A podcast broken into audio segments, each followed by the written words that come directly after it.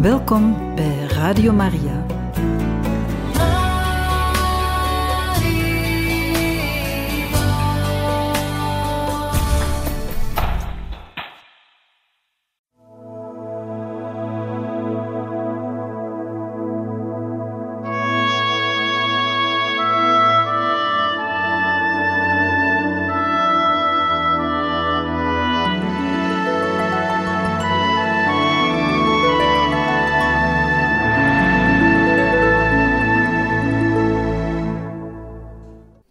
Het zou verkeerd zijn te beweren dat Moeder Teresa de eerste religieuze was die in Calcutta rechtstreeks bij de armen ging werken. Men mag zeker het initiatief van de zusters Franciscanesse Missionarissen van Maria niet vergeten. Zij vestigden zich op de Sint Teresa-parochie in Calcutta en trachten er alle soorten miserie te verlichten voornamelijk ten westen van de Circular Road, ten volle in de buurt waar de armen woonden. Daar waren smalle straatjes waarop kamers uitgaven van 2,5 bij 2 meter. Gezinnen met meerdere kinderen en soms ook grootouders huurden doorgaans twee zulke kamers. één waarin men zich gewoonlijk ophield en een ander iets wat kleinere waarin men boven elkaar sliep. Het was niet ongewoon in de eerste kamer een geit en twee, drie kippen aan te treffen. Op het einde van zo'n straatje was een kleine binnenplaats, vol met saris en linnen die de droge hingen aan koorden. Rondom waren er hokken. Voor die kamers betaalde men ongeveer 40 frank per maand. De kinderen beneden de vijf jaar liepen gewoon naakt. De mannen hadden als kledij alleen maar een kleine lendendoek en de vrouwen waren in een sari gehuld. Niet tegenstaande, de zon was het donker in die straatjes en hokken, en twee zaken verbaasden: de zindelijkheid van die mensen en hun woonplaats, waarin geen enkel meubel stond, evenals hun vriendelijkheid. Ze aanvaarden volkomen hun lot en waren oprecht gelukkig met de aandacht die men voor hen opbracht. Ze lachten van vreugde en nodigden een bezoeker uit om hun kamer te betreden. Dat vonden ze een grote eer. Daar is het dat pater Leo, jezuïet, kosteloze scholen opende waar katholieke jonge dochters les gaven. Het was naar die buurten dat de Franciscanesse missionarissen van Maria gingen om de wonden te reinigen en te verbinden. Ze werden vereerd als godinnen. Kindjes werden van de dood gered. Aan de jonge meisjes werd door de zusters een beroep aangeleerd. Hun goedheid en tederheid voor deze armen raakte zozeer het hart van de Indiërs, dat de Hindoes en moslims aalmoezen stuurden naar de religieuzen omdat ze hun werk van barmhartigheid konden voortzetten. In 1939 traden de congresministers af in verband met de oorlogsverklaring aan Duitsland, terwijl de Moslimliga de Britten steunde. Op 18 oktober 1939 deed Lord Linlithgow de onderkoning, een paar vage voorstellen die op een niet nader aangeduid tijdstip in de toekomst de status van Dominion, autonoom deel van de Britse gemene best, beloofden. Maar dat was voor Indië niet genoeg. In 1940 kwam het pact tussen de drie mogendheden Duitsland, Italië en Japan tot stand in 1941 begonnen de Japanners hun opmars naar Brits-Indië. De vier of vijf jaar onmiddellijk voorafgaand aan de onafhankelijkheid in 1947 waren van onmetelijke betekenis voor de ontwikkeling van Calcutta. De werkcommissie van het congres kwam op 7 augustus 1942 bijeen voor haar meest historische vergadering. Men verlangde het onmiddellijke vertrek van de Britten uit Indië en men dreigde dat er anders een massale beweging van burgerlijke ongehoorzaamheid zou beginnen. De resolutie werd met een grote meerderheid aangenomen. Op 9 augustus 1942 werd Jawaharlal Nehru opnieuw gearresteerd. Hij bleef deze keer bijna drie jaar in de gevangenis. Gandhi zat nu ook in de gevangenis, samen met al de leiders van het congres. Tijdens de afwezigheid van zijn leiders besloot het volk van Indië de strijd voort te zetten. In elke stad van enige betekenis werd er grootscheepse demonstraties gehouden en honderden dorpen werden door de koloniale autoriteiten tot gebied waar de orde verstoord is verklaard. Er werden Britse troepen ingezet om een eind te maken aan de beweging, en er waren hier en daar beschietingen door vliegtuigen. De officiële Britse cijfers maakten slechts melding van 60.000 arrestaties en 1000 doden, maar in werkelijkheid waren er zo'n 10.000 doden gevallen. In de loop van 1942 werd het Loreto-complex te Entelli omgevormd tot militair hospitaal.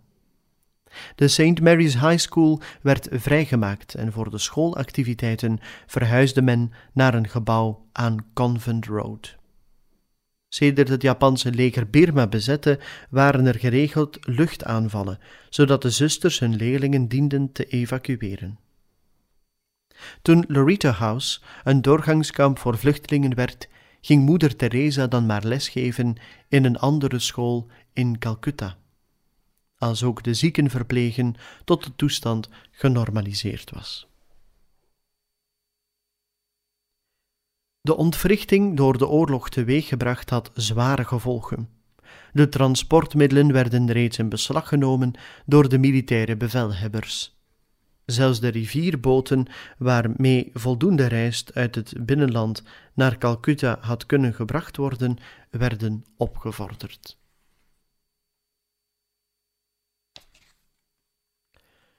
Door de Japanse invasie werd bovendien de aanvoer van Birmaanse rijst afgesneden. Dat alleen leidde tot een voedseltekort van wel 10%. En zo stegen de voedselprijzen onrustwekkend. De zwarte markt en de geldschieters deden zeer goede zaken. In het binnenland verloren de boeren hun magere spaarcentjes. Ze begonnen hun velden te verkopen.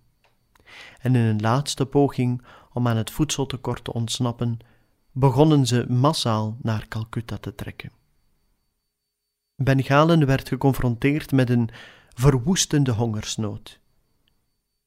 Uit historisch onderzoek blijkt dat het werkelijk het resultaat van menselijk wanbeheer, verkeerd besturen en door de uitvoer van reis door de regering te wijten was, terwijl er in Bengalen een voedseltekort was. Het onvermijdelijke gevolg was in 1943 een massale migratie vanuit de dorpen naar de stad Calcutta. De straten en voetpaden werden overspoeld met stervende en ondervoede mannen, vrouwen en kinderen. De inwoners van Calcutta zagen dat die mensen niet zozeer bedelden om rijst, maar om het zetmeelrijke water waarin het gekookt werd. Men zag voor de eerste maal doden op zo'n reusachtige schaal. Deze onheilspellende gebeurtenissen betekenden het einde van een gouden eeuw voor Bengalen. De regering van Bengalen leek jammer genoeg niet opgewassen en was niet voorbereid om dit reusachtige probleem aan te pakken. De omvang van die ramp was zo groot dat het nieuws erover niet kon worden achtergehouden. Nehru dacht dat Indië uitgehongerd werd door het imperialisme. Een precies getal van het aantal slachtoffers die van honger zijn gestorven bestaat er niet. Maar de Bengaalse regering had het over 2 miljoen doden. Andere berekeningen gewagen van het dubbel, zelfs van nog meer slachtoffers. Het was een verschrikkelijke tragedie. De mensen stroomden massaal de stad Calcutta binnen. Er was gewoon geen plaats om ze te huisvesten, zodat ze zich op straat vestigden en de voetpaden innamen. Al die mensen waren ook aangewezen op de soepkeukens, maar die waren ver van toereikend, zodat talloze uitgehongerde mensen op straat stierven.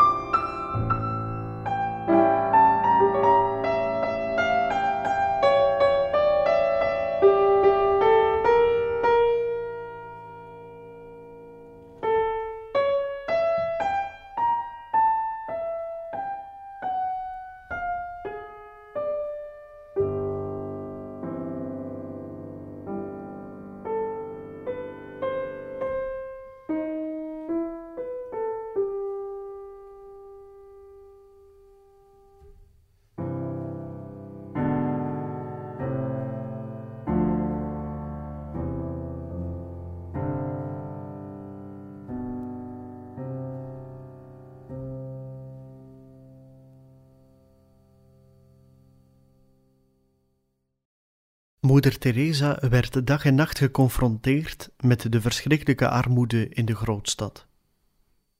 Voortdurend werd zij met haar neus op de scherpste tegenstellingen tussen armoede en rijkdom geduwd. Ondanks de geborgenheid van haar klooster en school was die confrontatie al jaren een feit. Blijkbaar kon ze zich niet met die werkelijkheid verzoenen. Het schrille contrast tussen haar religieuze leven en haar werk op school met de situatie in de straten van Calcutta liet haar blijkbaar niet met rust. Gedurende haar lessen trok de zuster de aandacht van haar leerlingen op de onmenselijke leefomstandigheden rondom het klooster en de school. Had onze lieve Heer niet een speciaal hoekje in zijn hart voor de armen en de daklozen? Een innerlijke stem spoorde haar aan om iets te doen om de ontberingen van de allerarmsten te verlichten en hen naar God te brengen. Ze werden op geestelijk vlak compleet verwaarloosd. Het waren werkelijk schapen zonder herder. De zuster besefte dat het voor haar, binnen zo'n onderwijssysteem waarin ze werkte en dat voornamelijk afgestemd was op de middenklasse, onmogelijk zou zijn om haar doel te bereiken. Ze zou in feite uit dat systeem moeten stappen en iets nieuws beginnen. Uit de prille ervaring groeide de gedachte dat iets blijvends moest gedaan worden. Dit voornemen bleef haar voortdurend bezighouden en ze sprak erover met haar geestelijke leider. Moeder Teresa moet tot die conclusie gekomen zijn in de periode onmiddellijk na de grote hongersnood in West-Bengalen, die kolossale ellende en armoede had meegebracht. Bij haar was een diep verlangen gekomen om voor de armen nog meer te doen dan hetgeen zij deed in de St. Mary's High School.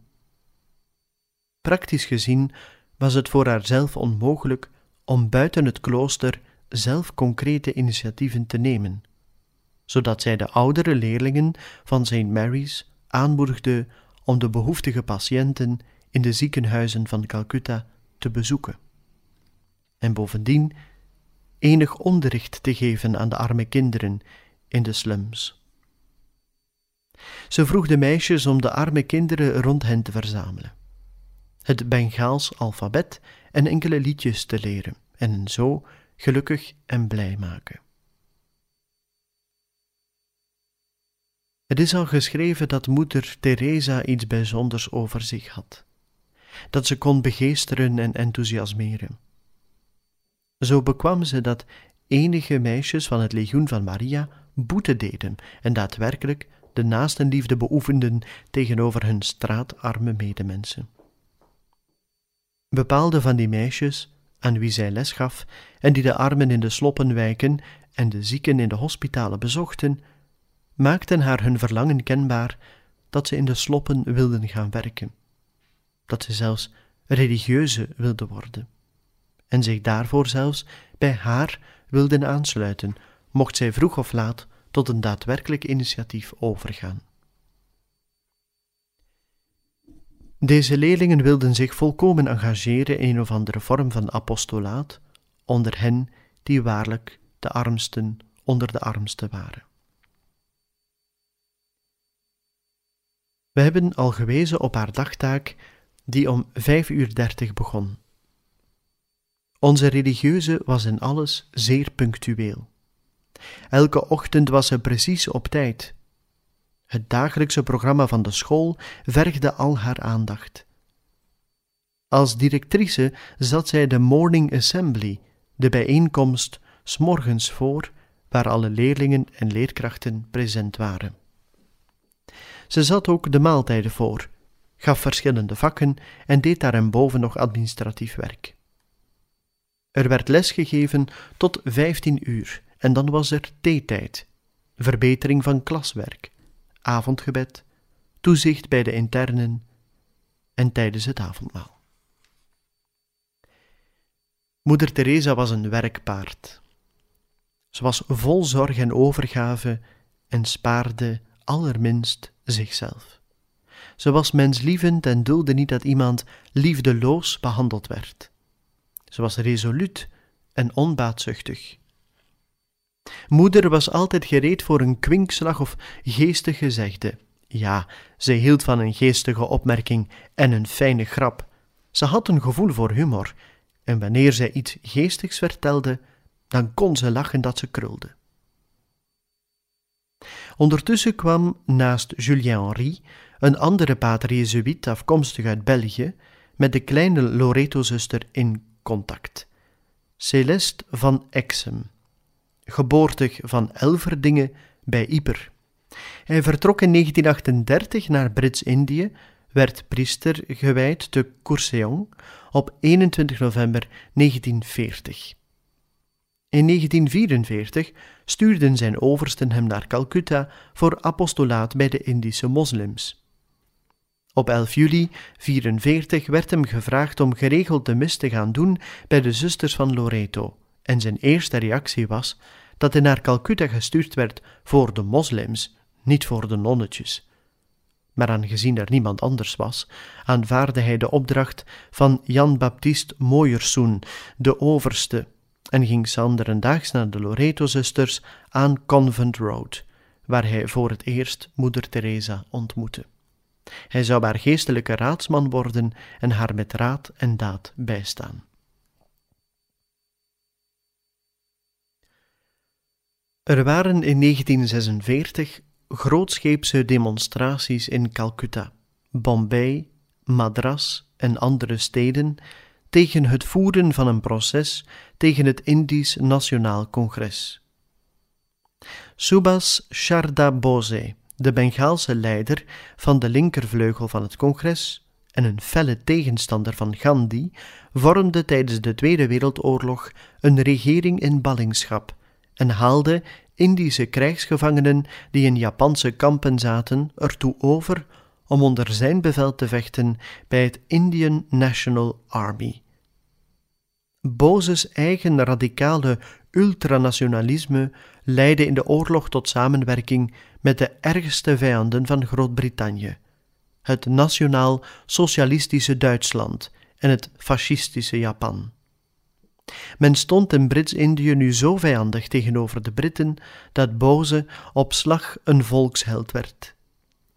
Afdelingen van het Indian National Army geraakten hier en daar slaags met de Britten, maar de meeste strijders werden ofwel gevangen genomen of gedood.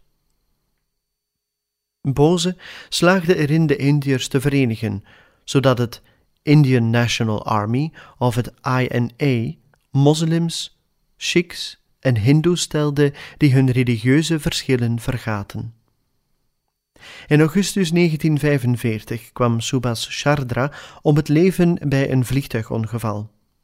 Toen de Britse autoriteiten besloten de mannen van het INA te berechten wegens hoogverraad, werd Nehru weer advocaat om hen tijdens het proces te verdedigen. Hij voerde aan dat zij verkeerd hadden gehandeld, maar daartoe waren gekomen door hun vaderlandsliefde en het verlangen om hun land te bevrijden van het imperialistische juk. Het ging slecht in Indië. Als men beschuldigden ter dood zou veroordelen, zou het overal in het land tot gewelddaden komen. Daarom werden ze voor het leven verbannen, doch verkregen later amnestie door een besluit van de onderkoning. De temperatuur liep in Brits-Indië hoog op. In Groot-Brittannië was Labour aan de macht, met Clement Attlee als minister-president. Het hele jaar 1946 stond Brits-Indië aan de rand van de revolutie. De toestand in de reusachtige kolonie joeg Londen schrik aan. Er werd een bijzondere missie vanwege de regering gestuurd om het vertrek van de Britten voor te bereiden. Er was sprake van de vorming van een losse federatie. De Moslimliga, die de regering van Bengalen vormde, riep haar aanhang op om op 16 augustus 46 naar een massabijeenkomst te komen op de Maidan te Calcutta. Die dag werd uitgeroepen tot Direct Action Day, dag van directe actie, ten einde haar verzoek om de oprichting van Pakistan kracht bij te zetten. De passies liepen hoog op en het kwam tot een uitbarsting van geweld tussen Hindoes en moslims. Beide bevolkingsgroepen vochten en moorden onder elkaar in de straten van Calcutta. Winkels werden in brand gestoken, met de eigenaars erin. Overal lagen doden en gekwetsten. Men hoorde overal geschreeuw van mensen en ontploffingen. Het conflict duurde vijf dagen en er vielen duizenden doden. Het precieze aantal slachtoffers kent men zelfs tot op de dag van vandaag niet. Ooggetuigen hadden het over hopen lijken in de straten. Gedurende meerdere dagen was de stad het slagveld voor de huurtroepen. Beide groepen begingen slachtingen, verkrachtingen en plunderingen. Men had het over The Great Calcutta Killing, het grote bloedbad van Calcutta.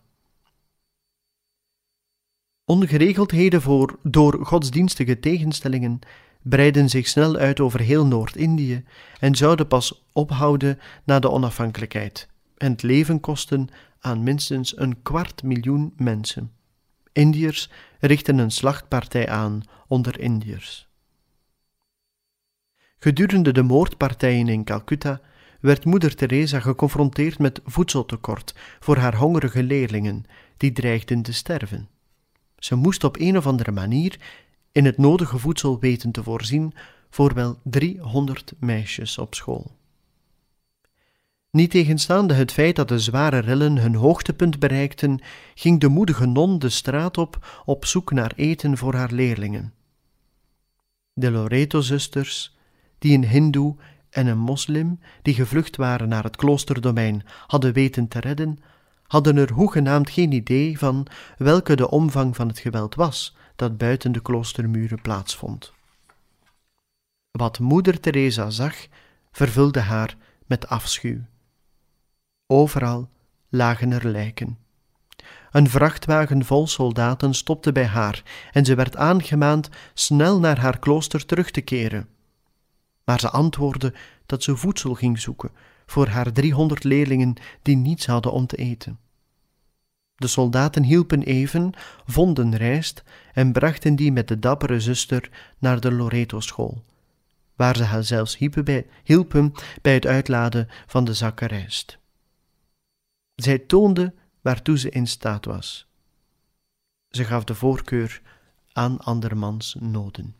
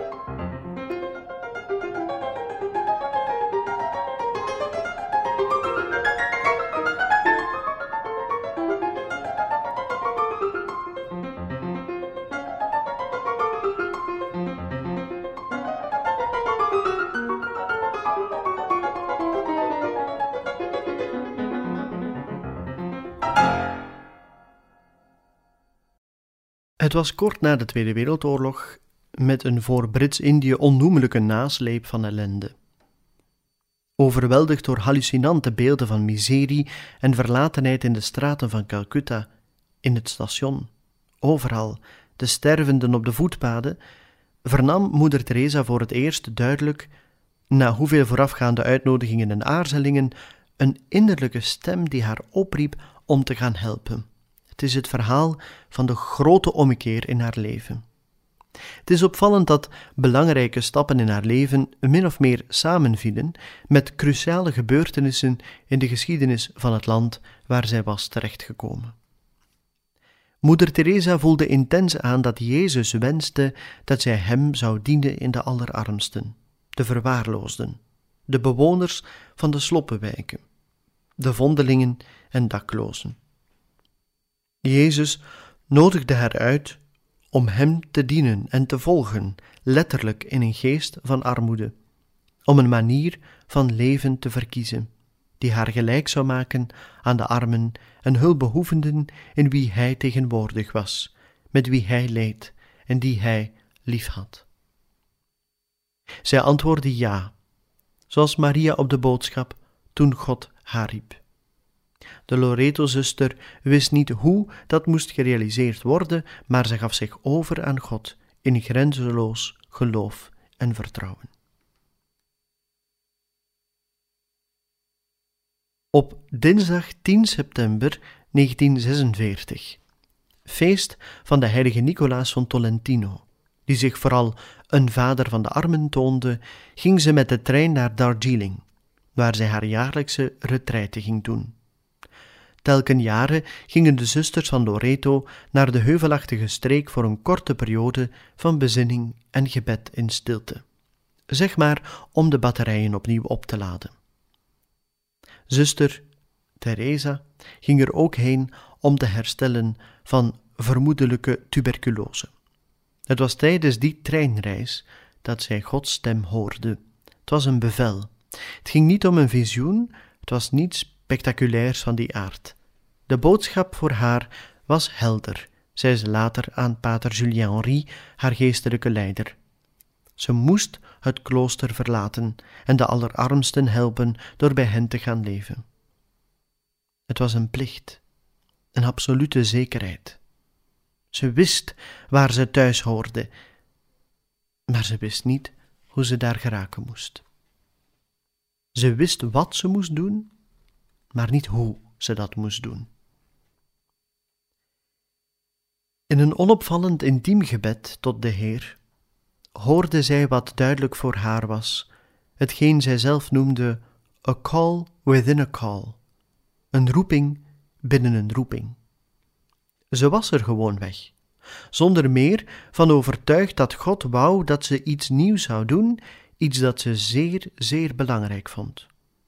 Het was als een lichtflits, zoals Sint Paulus die ervaren had op de weg naar Damaskus, een ontmoeting met Jezus, die haar een inspiratie en richting gaf voor haar leven van apostolaat.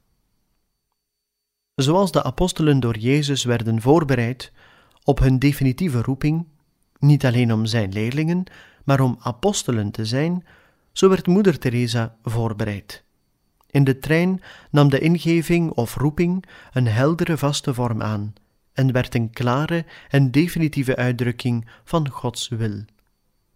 Deze roeping binnen een roeping, die van God voortkwam, geleek op die van Barnabas en Paulus, zoals we lezen in het Nieuwe Testament. Terwijl ze eens voor de Heer de heilige dienst verrichten en vasten, sprak de Heilige Geest: Zondert mij Barnabas en Saulus af voor het werk waartoe ik hen heb geroepen.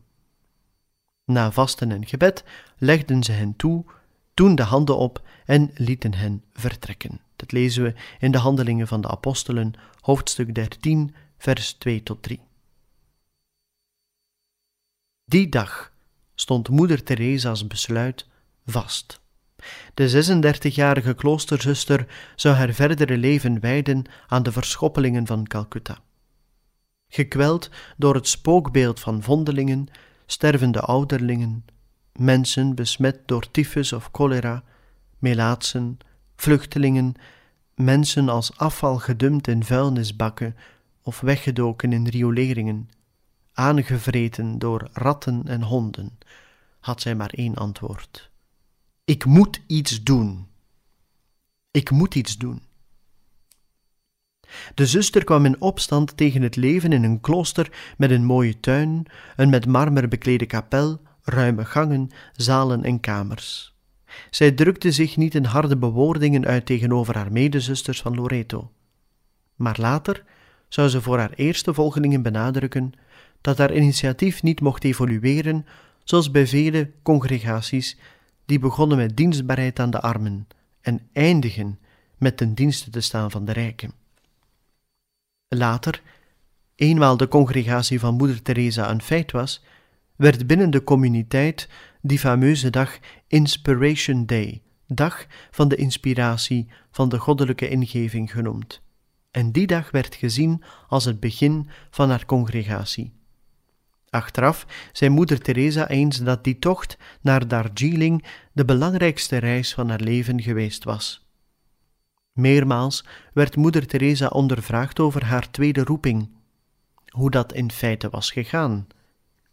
En ze beschreef meermaals ten overstaan van Lush Gergi, een Albanese priester, die gebeurtenis met dezelfde woorden.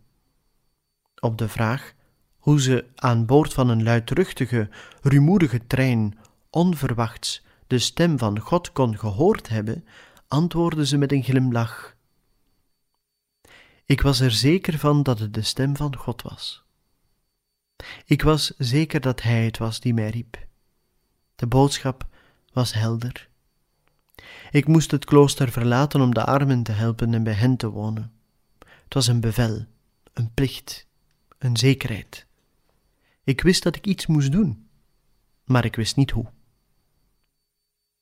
En op de vraag of het een visioen of een ingeving was, zei de zuster dat de vorm van de roeping van geen belang is, dat dat een zaak was tussen haar en God. Maar, zei ze, het essentiële is dat God ieder roept op een verschillende manier. We hebben er geen enkele verdienste aan. Het komt er vooral op aan op zijn roep te antwoorden. Moeder Teresa was er zeker van dat dit in die moeilijke en dramatische omstandigheden het werk van God was geweest en niet het hare. En vermits het zijn werk was geweest, wist ze dat de wereld er voordeel van zou trekken.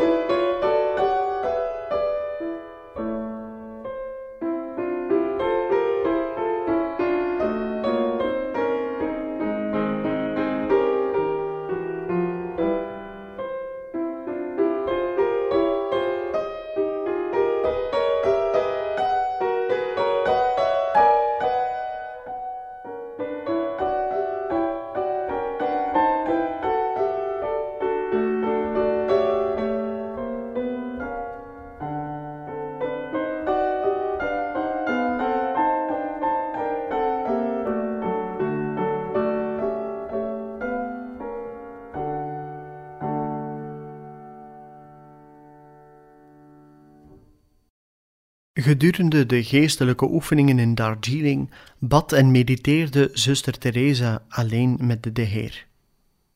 Bij haar terugkeer te Calcutta zei ze daarover aanvankelijk niets binnen de gemeenschap, maar ze kon de gedachte niet van zich afschudden. Ze was er absoluut zeker van dat haar leven een totaal andere wending zou nemen. Het was een verschrikkelijke gedachte. Maar ze maakte haar intentie dan toch bekend aan enige andere zusters die verrast waren en, zoals te verwachten was, eerder met gemengde gevoelens naar haar luisterden. En ze informeerde ook de provinciale overste van haar congregatie. De dag dat zij teruggekeerd was van Darjeeling, toonde ze aan pater Celeste van Exem twee vellen papier, waarop ze haar inspiratie had neergeschreven. Hij was enigszins geschokt bij het lezen van de inhoud, maar zei dat hij er bij gelegenheid zou over spreken met Monseigneur Perrier, de aartsbisschop van Calcutta. Van Exem was onder de indruk van hetgeen ze had geschreven, omtrent haar nieuwe roeping, en hij was er dadelijk van overtuigd dat het om een oprechte roeping ging. Om als een volwaardige, geprofeste kloosterzuster direct bij de armen te gaan werken, had ze toelating nodig van de Heilige Stoel, en meer bepaald van de Heilige Congregatie van de religieuzen. Ze moest schriftelijk om exclaustratie te vragen. Ze keerde terug naar Van Exum om raad en advies en had twee mogelijkheden: ofwel direct naar Rome schrijven, ofwel eerst de kwestie voorleggen aan aartsbisschop Perier. Ze zou, volgens Van Exum, ook de toelating nodig hebben van de generale overste van Rotherham in Ierland. Korte kanttekening. Exclaustratie betekent dus een verlof die verleend wordt door de Heilige Stoel, die een uh, kloosterzuster, zoals Moeder Teresa een kloosterzuster was, en dus daartoe eh, de roeping ervaart om op een bepaalde plaats te blijven binnen de muren van het klooster en daar door middel van gebed en het apostolaat van de congregatie de roeping tot heiligheid te beleven. Als zij natuurlijk op dit moment een andere roeping ervoer op dat moment, ja, dan had zij dus toestemming om, nodig om dat eh, klooster te kunnen verlaten. En dat is exclaustratie. Van Exum gaf haar de raad om dit laatste te doen, en zuster Teresa ging akkoord. Intussen zou Van Exum te gelegener tijd de zaak voorleggen aan monsieur Perrier. Pater van Exum dacht in feite dat de aartsbisschop gemakkelijk akkoord zou gaan, maar hij had het mis. Wanneer Van Exum twee maanden later, tegen het einde van het jaar, de kwestie ter sprake bracht, was de aartsbisschop waarlijk geschokt door de gedachte van een eenzame zuster die door de straten van Calcutta trok. De overste van Lorito en Tully informeerde zijn excellentie, toen hij er op bezoek was, dat een jonge zuster van een gemeenschap bepaalde vreemde gedachten had. Hoe dan ook, wanneer iemand in dat verband beroep op hem deed, vroeg hij zich steeds af of men er Gods hand in herkende en gaf hij de persoon in kwestie de volledige vrijheid om zijn of haar zaak uiteen te zetten. Wanneer de religieuze nederig, gehoorzaam en plichtsbewust was, kon de drijfveer van God komen. De provinciale overste zond zuster Teresa naar monseigneur Perrier. Hij wou naar de gemoedstoestand van de zuster peilen om uit te maken of het om een ernstige roeping ging. De aartsbisschop verleende de religieuze met vreemde gedachten audiëntie om haar met genoegen te aanhoren. Zo kon zij haar voornemen om te werken bij de allerarmsten uiteenzetten. Zij, gerespecteerde schooldirectrice, geloofde nu dat God wou dat ze niet alleen zou stoppen als schoolhoofd, maar bovendien de school, haar congregatie en het beschermde klooster zou verlaten. Ze geloofde dat God wou dat ze naar de straten van Calcutta ging, om er te leven en te werken onder de allerarmsten in de vieze slums.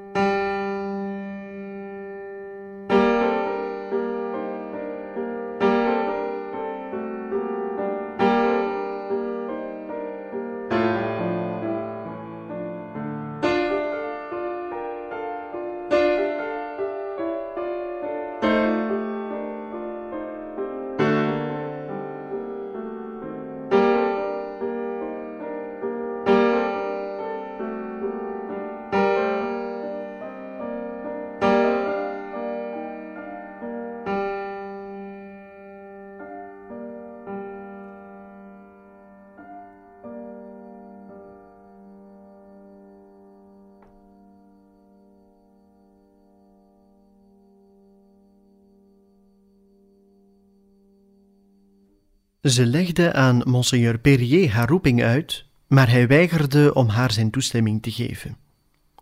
De aartsbisschop besliste dat er niets mocht ondernomen worden gedurende een jaar, om zuster Teresa de kans te geven om diep na te denken en wellicht haar mening te herzien.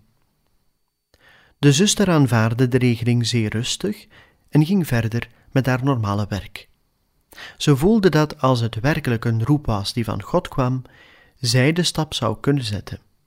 Een religieuze kon niet zomaar haar geloften opzeggen en haar klooster verlaten, zelfs indien zij ervan overtuigd was dat het bevel van God afkomstig was. Ze had namelijk plechtige beloften afgelegd. Niet één iemand wist van haar verlangen of voornemen af. Kort nadat zij haar plannen aan Monseigneur Perrier had uiteengezet, werd zij om gezondheidsredenen voor een tijdje naar het Loreto-klooster in Sansol, zo'n 280 kilometer ten noordwesten van Calcutta, gezonden, waar ze belast werd met de keuken, het onderhoud van de tuinen en les aardrijkskunde mocht geven. Zuster Teresa zonderde zich dus af om te bidden en te mediteren, vooraleer een beslissing zou genomen worden in verband met haar diepste verlangen. Toen zij in Essential was, deed Monseigneur Perrier verschillende discrete onderzoeken. Hier en daar deed hij navraag betreffende dit zeer ongewone voorval, zonder evenwel te openbaren om wie het in feite ging. De aartsbisschop consulteerde pater Julien Henri van de Sint-Thomas-parochie, daar deze de slums in Calcutta kende. De pastoor was zo enthousiast over het vooruitzicht dat hij zijn parochianen verzocht om te bidden voor een bijzondere intentie. De aartsbisschop en zijn confrater overwogen grondig de situatie. Brits-Indië was op weg naar onafhankelijkheid. Zuster Teresa was een Europese. Welke waren de politieke en de andere gevaren? Zou Rome de beslissing goedkeuren? Julien Henry, die een deskundige was in zaken het religieuze leven, werd de vraag gesteld wat hij ervan dacht van een Europese religieuze die een sari zou dragen en aan het hoofd zou staan van een groep Bengaalse meisjes, die samen met haar zouden zorgen voor armen en zieken. Kon ze in dit opzet slagen? Zouden de mensen haar aanvaarden? Het was zeer de vraag hoe de publieke opinie in die dagen van hevige nationalistische gevoelens zou reageren. De politieke situatie in India was toen zeer ingewikkeld en absoluut niet gunstig voor een dergelijk initiatief.